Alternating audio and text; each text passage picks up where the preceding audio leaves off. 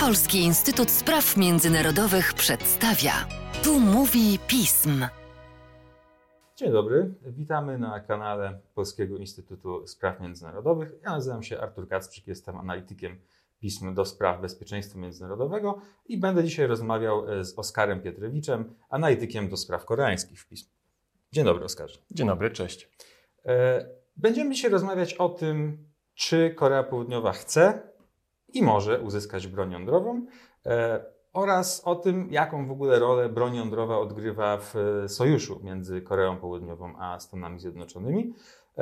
I przyczyną naszej rozmowy, impulsem naszej rozmowy są wypowiedzi E, prezydenta e, Korei Południowej z początku tego roku, ale o to, co dokładnie prezydent Jun powiedział i dlaczego to powiedział, e, o to poproszę Cię, Oskarze, o, wyjaśnienie, o wyjaśnienie i przeanalizowanie tego. Faktycznie wypowiedź prezydenta Suk-yeola z 11 stycznia, bo tę mamy na myśli, te, to co wywołało tę dyskusję poważną, to była wypowiedź e, wygłoszona w szczególnym gremium, gremium złożonym z przedstawicieli resortów spraw zagranicznych i obrony Korei Południowej. Był to dłuższy briefing poświęcony tak naprawdę polityce bezpieczeństwa kraju, w którym najwięcej uwagi poświęcono kwestiom konwencjonalnym, tak naprawdę. I wątek jądrowy pojawił się w kontekście omawiania rosnących zagrożeń e, ze strony Korei Północnej związanych z rozwojem potencjału rakietowego, nuklearnego, opracowywania prawdopodobnie przez Koreę e, Północną e, taktycznej broni jądrowej i Yoon Suk-yeol wspomniał, że jeśli Korea Północna będzie kontynuować swoje prowokacje, użył tego określenia, nie doprecyzowując konkretnie, co ma na myśli, mhm. to jedną z reakcji może być to, że Korea Południowa albo e, zwróci się do Stanów Zjednoczonych o rozlokowanie amerykańskiej mhm. taktycznej broni jądrowej na, e, w Korei Południowej, albo sama Korea Południowa rozpocznie pracę nad e, bronią jądrową. I mając na uwadze jej potencjał naukowo-technologiczny, mogłaby to zrobić szybko, tak powiedział. Po czym dodał, właściwie w tym samym wątku, że e, musimy brać pod uwagę to, co realistyczne. A to, co realistyczne tu i teraz, to współpraca ze Stanami Zjednoczonymi na temat odstraszania nuklearnego sojuszu, a więc wykorzystania tego komponentu jądrowego Stanów Zjednoczonych w polityce bezpieczeństwa mhm. Korei Południowej. Więc ta wypowiedź e, faktycznie to była pierwsza taka wypowiedź e, w historii Korei Południowej, gdzie urzędujący prezydent powiedział, że publicznie, że jego państwo mogłoby wejść w posiadanie broni e, jądrowej. Dlatego to zwróciło uwagę.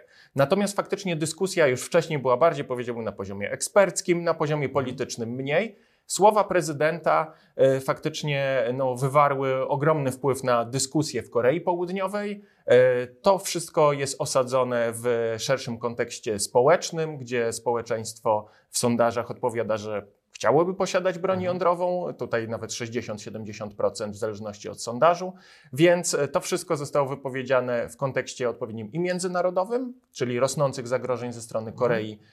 Północnej, dyskusji nad tym, jak ma wyglądać sojusz ze Stanami Zjednoczonymi w przyszłości, jak ma reagować na te zagrożenia, no i kontekst też wewnętrzny, że prezydent Jun po prostu, można powiedzieć, populistycznie mhm. zagrał pod publiczkę, wiedząc, że akurat takie zdanie, jakie on wygłosił, zyska aprobatę społeczeństwa. Więc e, tutaj musimy o tym pamiętać, że to było osadzone w bardzo konkretnym kontekście i że on sam w tej swojej wypowiedzi tak naprawdę wcale nie powiedział, że na pewno Korea Południowa wejdzie na ścieżkę nuklearną. Ale wystarczy, że słowa, no jak to w polityce, politycy muszą brać odpowiedzialność za wypowiadane słowa wypowiedziane słowa były cytowane tylko właśnie bez zarysowania tego kontekstu i pojawiła się, można powiedzieć, afera co, co, co tam w prezydentowi Korei Południowej w głowie siedzi. Czy naprawdę chce mieć broń jądrową?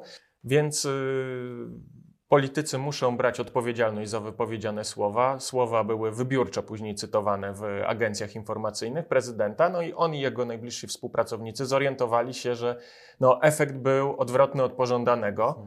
E, najwyraźniej i e, zaczął się prezydent tłumaczyć podczas kolejnych wystąpień, czy to na forum w Davos, czy przy mhm. innych okazjach, mówiąc, że tak naprawdę Korea Południowa będzie szanować reżim nieproliferacji i ufa w gwarancję bezpieczeństwa Stanów Zjednoczonych. Więc on jeszcze później się można powiedzieć wkrótce po paru dniach mhm zaczął stopniowo wycofywać z tego stanowczego jednego, dwóch zdań, tak? Bo jednak trzeba pamiętać, że e, to nie był ani główny powód tego, dlaczego on to, znaczy to nie był główny motyw tego jego mhm. wystąpienia, tylko coś osadzonego w szerszej refleksji nad polityką bezpieczeństwa Republiki Korei. Tak, no choć no, na pewno można zinterpretować tą wypowiedź, e, tę pierwszą, no właśnie jako próbę naciśnięcia też e, na Stany Zjednoczone, prawda, żeby one wzmocniły swoje gwarancje odstraszania nuklearnego, w ogóle gwarancje bezpieczeństwa dla e, Korei Południowej. I tutaj trochę rozwijając to, o czym mówiłeś o, o zbrojeniach Korei Północnej, no możemy dodać trochę więcej kontekstu, że tak jakby te zbrojenia nuklearne mają bardzo kompleksowy wymiar i z jednej strony oczywiście Korea Północna wzmacnia te zdolności, których mogłaby użyć przeciwko Korei Południowej, te krótszego zasięgu, no ale też wzmacnia przede wszystkim, można powiedzieć, te e, zdolności dalekiego zasięgu, E, które posłużyłyby do uderzenia na USA, tak? Więc trochę zaczyna się, e, zaczyna to przypominać sytuację, z którą e, europejscy sojusznicy się mierzyli, amerykańscy gdzieś w latach 50., kiedy Związek Radziecki właśnie rozwijał te, te, te siły dalekiego zasięgu nuklearne. Jak rozumiem, Koreańczycy, tak jak wtedy Europejczycy, się obawiają, czy tak jakby Amerykanie skonfrontowani z, z możliwością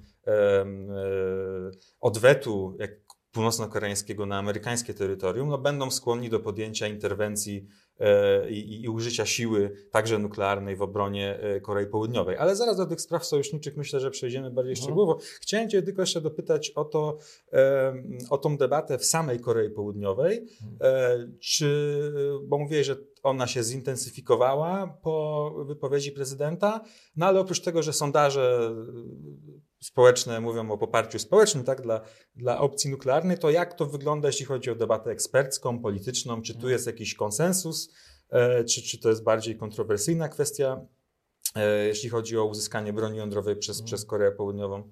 Wydaje mi się, że jest środowisko eksperckie bardzo podzielone w tej sprawie. Mhm. To jest coś, co bardzo dzieli ekspertów od spraw bezpieczeństwa w Korei Południowej. E, powiedziałbym, że mamy do czynienia z sytuacją, w której najczęściej cytowani są ci najbardziej radykalni. Mhm. Te najbardziej stanowcze głosy o tym, że broń jądrowa byłaby najlepszym rozwiązaniem, podnoszącym bezpieczeństwo Republiki Korei, to jest najczęściej cytowane w mediach, no bo to po prostu jest szokujące. To by była duża zmiana. Ale tak naprawdę, jak patrzę na różne ośrodki analityczne i e, publiczne, i prywatne, to powiem szczerze, że gdyby tak zebrać e, publiczne wypowiedzi, to więcej jest tych, którzy mówią, że przyszłość jest w sojuszu ze Stanami Zjednoczonymi i mhm. przyszłość, mhm. przyszłość jest w parasolu nuklearnym amerykańskim.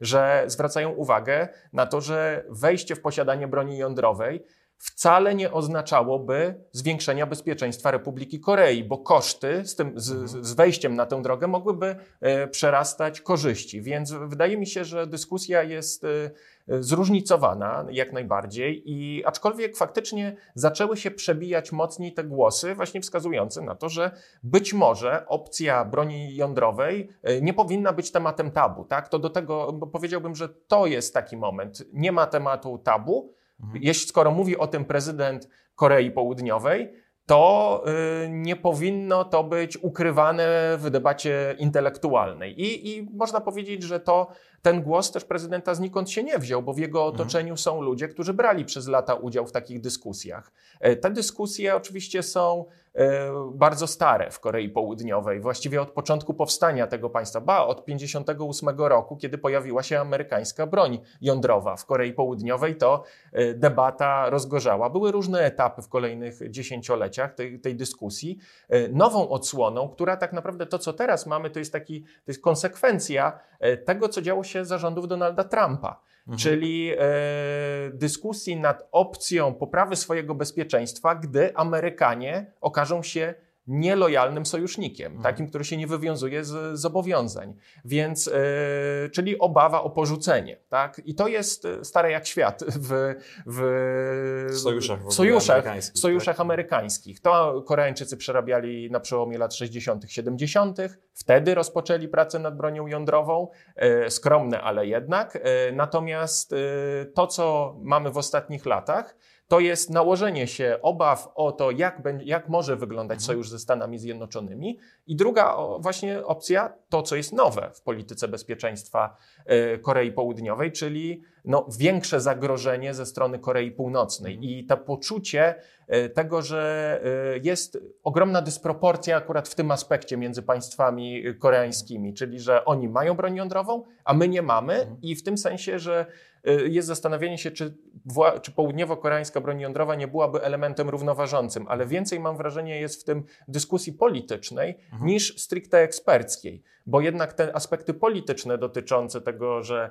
e, wtedy bylibyśmy naprawdę suwerennym państwem, tak? Wiązanie broni jądrowej z suwerennością. To są głosy, powiedziałbym, takich skrajnych nacjonalistów południowo-koreańskich, będące marginesem dyskusji, ale jednak się przebijają, zwłaszcza kiedy prezydent wypowiada słowa, które jakoś korespondują nawet z tymi skrajnymi wypowiedziami. Więc dyskusja e, trwa. Powiedziałbym, że ona teraz e, zyskuje na znaczeniu, kiedy są, towarzyszą temu działania polityczne właśnie związane z negocjacjami różnego rodzaju amerykańsko-południowo-koreańskimi dotyczącymi tego, jaką sojusznicy mają znaleźć wspólną odpowiedź na zagrożenia ze strony Korei Północnej i to, o czym mówisz, z rozwój arsenału strategicznego i taktycznego. Więc y, tutaj można powiedzieć, że Koreańczycy z północy mają ten cel, żeby rozgrywać i do- doprowadzać do podziałów między Koreańczykami z południa a Amerykanami. I ta dyskusja nad bronią jądrową, opcją broni jądrowej,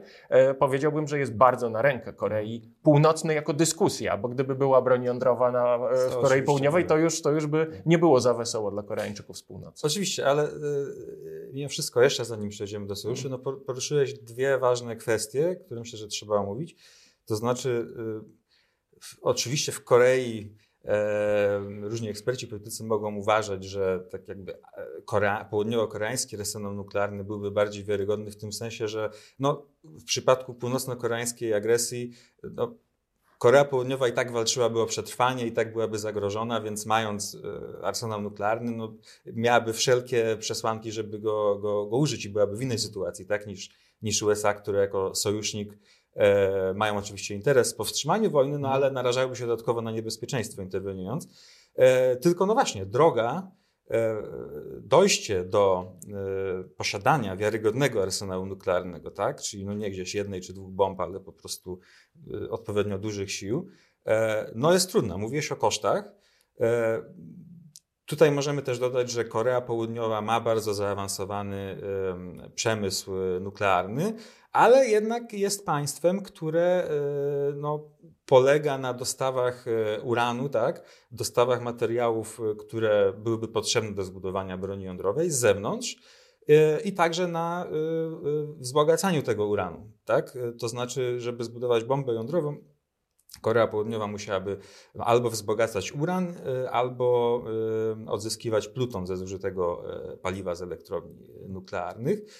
I wiemy, że pokryjomu w takiej skali laboratoryjnej i z wzbogacaniem uranu, i z odzyskiwaniem plutonu Korea Południowa na przestrzeni lat eksperymenty robiła, więc jakąś zdolności technologiczne i wiedzę ma, no ale musiałaby zbudować jeszcze odpowiednią infrastrukturę. Mm, I tutaj też słyszymy różnie w tych dyskusjach z, też z koreańskimi ekspertami.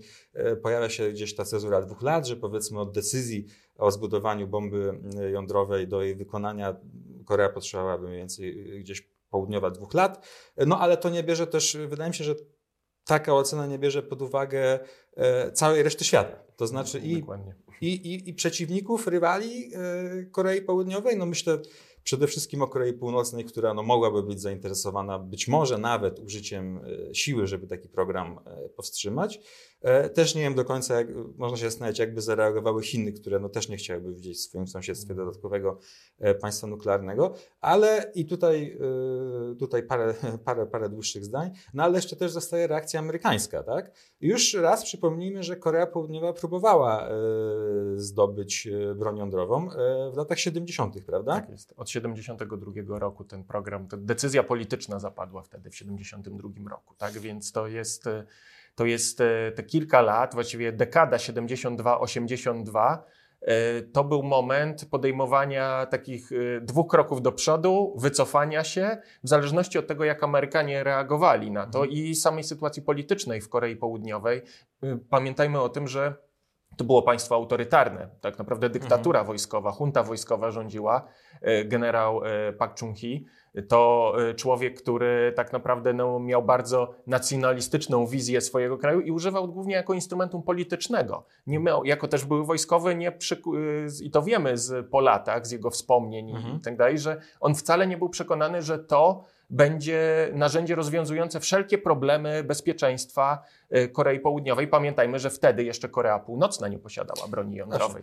Inne, inne były uwarunkowania i te, to, co mówisz, też wtedy też były dyskusje, ile to może zająć czasu, w jakich warunkach i tak dalej. I wydaje mi się, że y, jest często myślenie, że samo opracowanie, powiedzmy, głowic, mhm że to już jest odstraszanie nuklearne, a, a, do tego jest bardzo, bardzo daleka droga. Środki przenoszenia, przetestowanie tych głowic, pytanie, gdzie Korea Południowa miałaby je testować. To mhm. też jest takie, takie bardzo techniczne, konkretne pytanie mhm. i Koreańczycy y, w latach 70. podejmowali te próby, no ale spotykali się, to też ty, ty dużo o tym wiesz, no, z taką reakcją bardzo wrogą Stanów Zjednoczonych, otwarcie wrogą, politycznie tak. i ekonomicznie. Tak, no i to właśnie można... Y dodać, tak, że to tak jakby ten program południowo-koreański z jednej strony zaczął się wtedy e, w wyniku obaw o to, czy Amerykanie no właśnie nie opuszczą Korei Południowej. Mieliśmy doktrynę Nixona, tak, i tak. E, azjatyzację, myślę, można w wolnym tłumaczeniu e, powiedzieć, obronności, czyli, czyli no,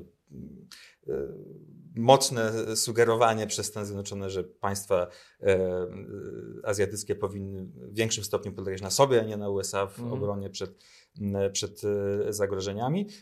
Potem mieliśmy rozpoczęcie programu, no i mieliśmy administrację już wtedy bodajże Forda, mhm. która no nagle zagroziła, że e, jeżeli ten program nuklearny będzie kontynuowany, to e, w ogóle wycofa wojska amerykańskie z Korei Południowej. Zagroziła sankcjami, no i przy okazji jeszcze naciskała politycznie na mhm. E, państwa, były to bodajże Kanada i Francja, które tak właśnie tak miały zbudować e, w Korei taki ośrodek do, do, do odzyskiwania e, plutonu, tak, ze zużytego paliwa. I generalnie na tym formalnie jakieś większe starania o broń jądrową wtedy pod w wyniku tej presji amerykańskiej się, się zakończyły, no oprócz właśnie jakichś tam powiedzmy na mniejszą skalę e, pewnych laboratoryjnych eksperymentów. E, I tutaj znowu moglibyśmy nagrać całkiem oddzielny materiał, a dlaczego Amerykanom tak się nie podobała koreańska broń jądrowa i dlaczego w ogóle e, nie podoba im się to, żeby sojusznicy ją zdobywali. Więc tutaj no, bardzo dla kontekstu, bardzo, bardzo krótko, no, Amerykanie od kiedy sami mieli broń jądrową, no, chcieli powstrzymać jej rozprzestrzenianie się na świecie, uzyskiwanie jej przez inne państwa, natomiast no, E, na początku powiedzmy, że wiedzieli, że nie da się powstrzymać Związku Radzieckiego przed jej, jego zdoby, przed jej zdobyciem. E, sojusznicy USA, Francja, Wielka Brytania, no też ją zdobyły. Amerykanom się to nie podobało, ale specjalnie na nich, na te państwa jakoś bardzo mocno naciskały. Przymknęły też oko na izraelski program jądrowy. No ale gdzieś w latach 60., właśnie czy jeszcze przed tym koreańskim, e, początkiem tego pierwszego koreańskiego programu nuklearnego, E, no gdzieś Amerykanie zdali sobie sprawę, że e, jeżeli to będzie tak postępować, no to pojawia się zagrożenie. No, Im więcej państw będzie miało broń jądrową, tym większe ryzyko, że wreszcie dojdzie do jej użycia, bo mhm. no, ciężej będzie gdzieś zarządzać tak, tymi, mhm. tymi relacjami między nimi. E, może jakiś nieodpowiedzialny do, przywódca, całkowicie nieracjonalny wejdzie w jej posiadanie. Tutaj Amerykanie, e, taką pobudką dla, Amerykanów było zdobycie broni jądrowej przez Chiny. Mhm. E, I rządzone przez Mao Tse-tunga, który no różne, różne ciekawe rzeczy o, o, wojnie jądrowej i o tym, że Chiny mogłyby spokojnie mhm. stracić i 300 milionów ludzi ją wygrać, mówił. Natomiast wracając do, do Amerykanów, e, Tutaj też e, myślę, że dalej jest obecny w polityce amerykańskiej ten element no, chęci po prostu kontrolowania eskalacji ewentualnych mhm. kryzysów. Mm. Więc tak jakby efekt domina proliferacji to jest jeden mm -hmm. problem, E, a drugi taki jest taki, że e, no, Amerykanie na pewno się obawiają, że e, jeżeli dodatkowi sojusznicy będą posiadać broń jądrową, to mogą jej użyć w, w trakcie konfliktu wcześniej niż Amerykanie sami by chcieli. Mhm. Więc tutaj tych przyczyn jest kilka, pewnie byśmy mogli dołożyć jeszcze inne, bo mhm. byłby też uzyskanie broni jądrowej przez Koreę Południową, no mogły być też jakieś powiedzmy regionalne napięcia teoretycznie nasilić, tak? E, ale myślę, że w tym momencie e, przejdziemy już do dyskusji nad tą opcją, którą prezydent Yoon określał jako e, realną, czyli no, wzmocnienie tych gwarancji amerykańskich. Bo mieliśmy wizyty już po tej wypowiedzi, mieliśmy na przełomie stycznia do tego, roku wizyty i sekretarza stanu USA, i sekretarza obrony w Korei Południowej, więc gdybyśmy powiedzieć mniej więcej, co, co ustalono, jakie były mhm. komunikaty z tych spotkań. No tak, faktycznie te, ta wizyta, zwłaszcza e, sekretarza Ostina w Korei Południowej, wydaje mi się, że była takim politycznym sygnałem Stanów Zjednoczonych, że to, co może budzić wątpliwości w Korei Południowej, co Koreańczycy, mam wrażenie, sygnalizują od jakiegoś czasu, czyli wiarygodność amerykańskiego y, zaangażowania. Tak? To mhm. tutaj nie chodzi o samo odstraszanie, tylko to y, assurance. Tak? Tutaj, tutaj o, o to się rozchodzi. I Amerykanie, y, angażując się na tym poziomie, że to nie, było, to nie były dyskusje tam zastępców, szefów, szefów resortów, tylko szef resortu już chyba trzeci czy czwarty raz od początku swojego urzędowania pojawia się mhm. z ważną wizytą w Korei Południowej, to był sygnał, że Amerykanie wsłuchują się w tę dyskusję w Korei Południowej i skoro ich sojusznicy zastanawiają się, czy Amerykanie są wiarygodnym sojusznikiem, to trzeba to wprost powiedzieć, że jesteśmy wiarygodnym sojusznikiem. Mhm. I tutaj y, tak naprawdę z tego komunikatu y, sekretarza Ostina, który zresztą też y, przedstawił no, e, taki dokument w głównej, e, taki paper tak naprawdę w e, głównej agencji informacyjnej południowo-koreańskiej, co, co nie jest regułą w, w komunikacji politycznej między Amerykanami a Koreańczykami z południa, to, to i komunikat, i te jego słowa, te jego wystąpienie na konferencji prasowej służyły podkreśleniu tego, że my jesteśmy jednym tak naprawdę z najbardziej wiarygodnych sojuszników,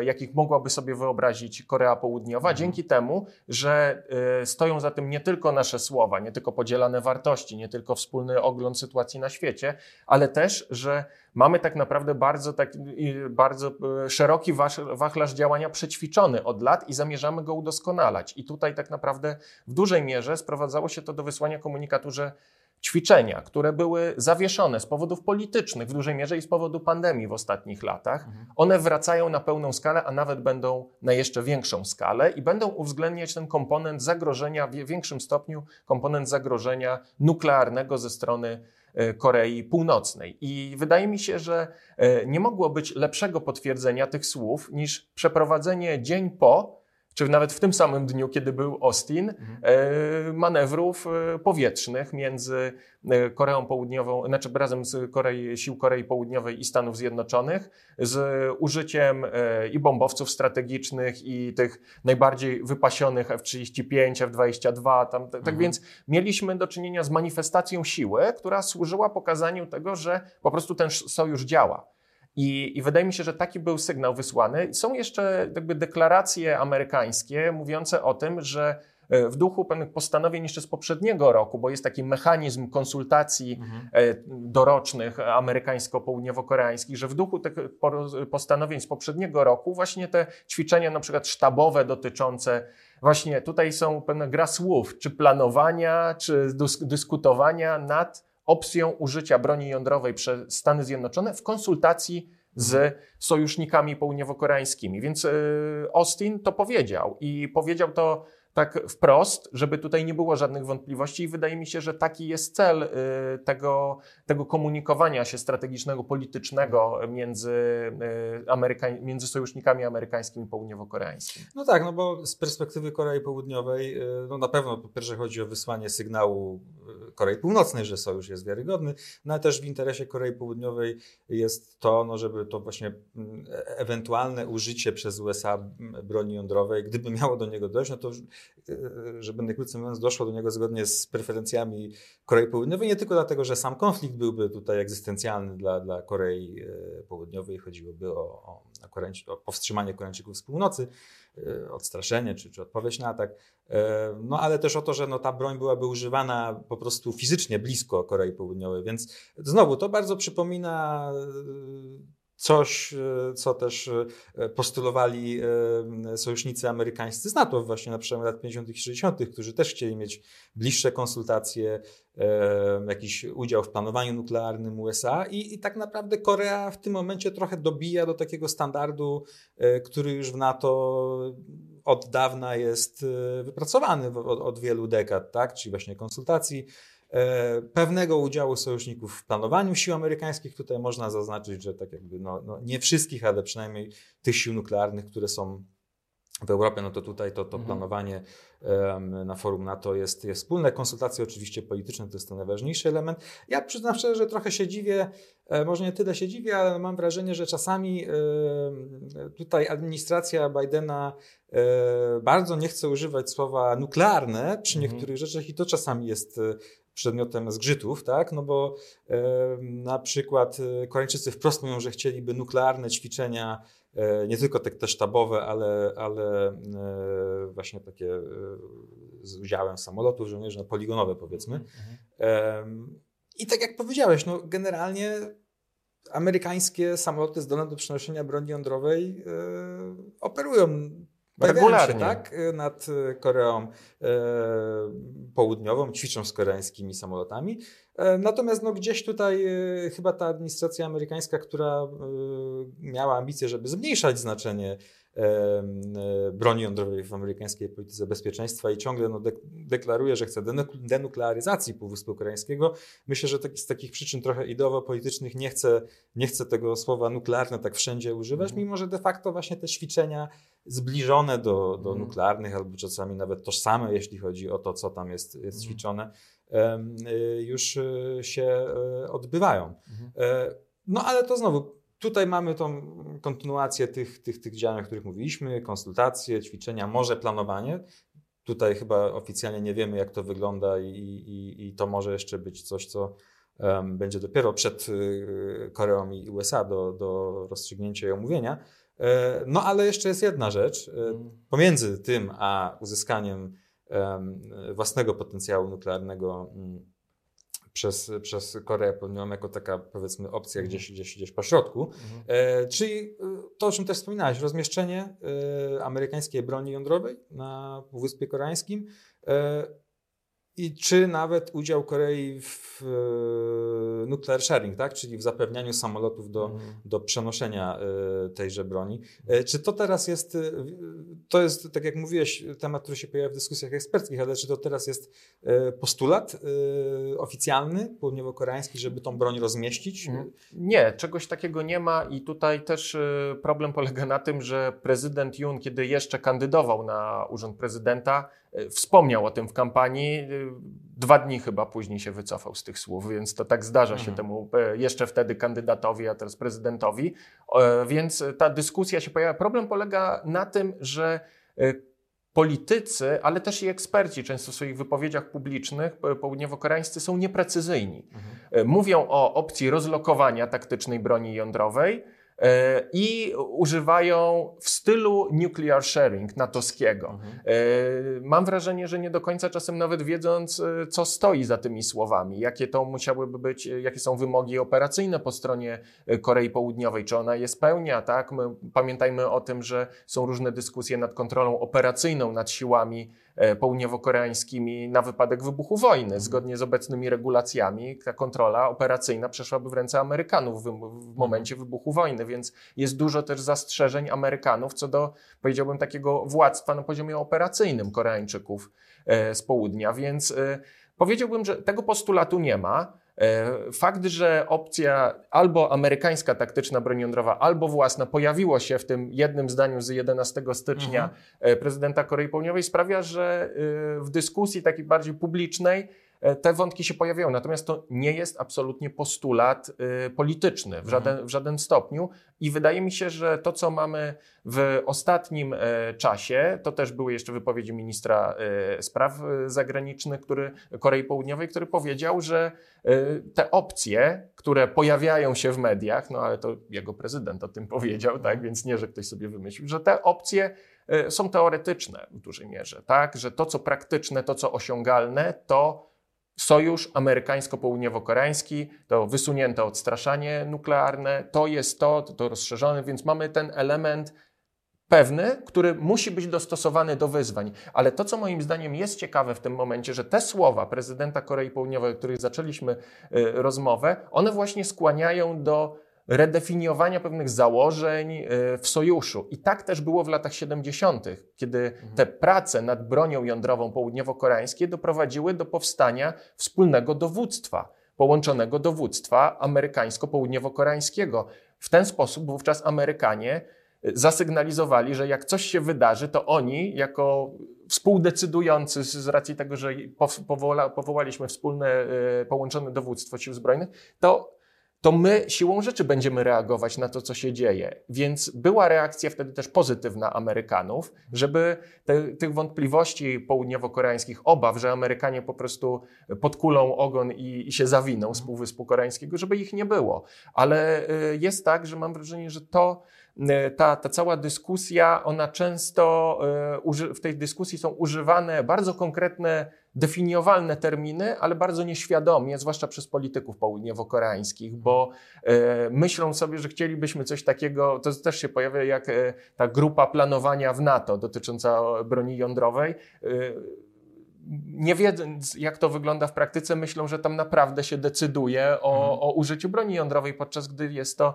raczej forum, powiedziałbym, takie konsultacyjne, mhm. luźniejsze, a nie, że stoją generałowie i prawda, decydują razem z Amerykanami i ten plan jest faktycznie efektem negocjacji całego sojuszu. Że to jest jednak tutaj ten komponent nuklearny jest y, w tym aspekcie, zwłaszcza w relacji dwustronnej, pewnym atutem amerykańskim, z którego Amerykanie nie chcą rezygnować. Koreańczykom zależy na tym, mhm. żeby Amerykanie w swoich decyzjach dotyczących być może też użycia broni jądrowej jak najbardziej brali pod uwagę głos Korei Południowej. I te podnoszenie opcji własnej jądrowej, taktycznej broni jądrowej amerykańskiej to jest próba politycznego przekonania Amerykanów do tego, żeby byli zaangażowani w wymiarze bezpieczeństwa na Półwyspie Koreańskim. Więc, e, ale to nie musi wcale przynosić pozytywnych efektów, bo jest ryzyko, tak jak było w latach 70., że jest obniżenie poziomu zaufania w relacji Stanów Zjednoczonych do Korei Południowej. Skoro mamy sojusznika, który mówi, że może by w ogóle zrezygnował z tego sojuszu, bo taki mógłby być koszt, że Amerykanie, mhm. widząc, co robi sojusznik, zerwaliby sojusz. Tak jak Kissinger groził w latach 70., że to zrobi. Więc y, Koreańczycy z południa może mają tego świadomość, ale mimo wszystko widać, że politycy, no w tym najważniejszy polityk w tym kraju, jest skłonny do takiego ryzyka, przynajmniej w momencie wypowiadania słów, później się czasem reflektuje, że być może to było o jedno, dwa zdania za daleko, bo nic z nich nie wynika praktycznego, a tworzy się pewien mętlik w sojuszu. Mhm.